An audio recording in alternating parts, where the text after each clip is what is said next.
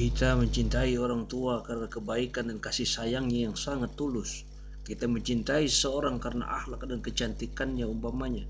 Kita mencintai diri kita karena kelebihan-kelebihan yang kita miliki.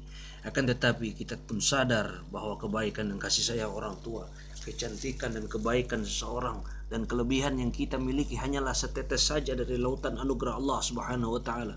Semua yang tampak dan terasa adalah perwujudan dari kebaikan dan kasih sayang Allah maka sangat logis ketika kita mencintai sesuatu cinta kepada Allah Taala senantiasa berada di atasnya. Mengapa? Sebab semua makhluk yang kita cintai hanyalah anugerah dan kebaikan darinya. Maka sangat wajar apabila kita mengakumulasikan cinta yang terbujung pada makhluk itu sendiri.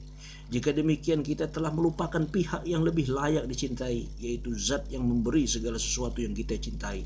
Bahkan dialah yang memberi rasa cinta itu sendiri Secara sangat dramatis Nabiullah Ibrahim alaihissalam telah mempertaruhkan segala cintanya kepada Allah Subhanahu wa taala semata bahkan anugerah yang paling dicintai oleh manusia di atas cinta kepada segala anugerah lainnya yaitu anaknya Ismail harus dikorbankan atas nama cinta kepada Allah.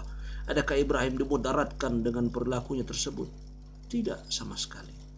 Tuntutan mencintai Allah hadir karena Allah teramat mencintai hambanya. Penyerahan total kepada Allah merupakan jaminan kebaikan dan kemuliaan yang hakiki bagi setiap hamba. Kepuasan, ketenangan, kekuatan, keberanian, dan kebahagiaan dalam arti sebenarnya hanya akan dinikmati ketika manusia menempati semua pertimbangan, keputusan, dan tindakannya dalam rangka perwujudan cinta kepada Allah Azza wa Jalla.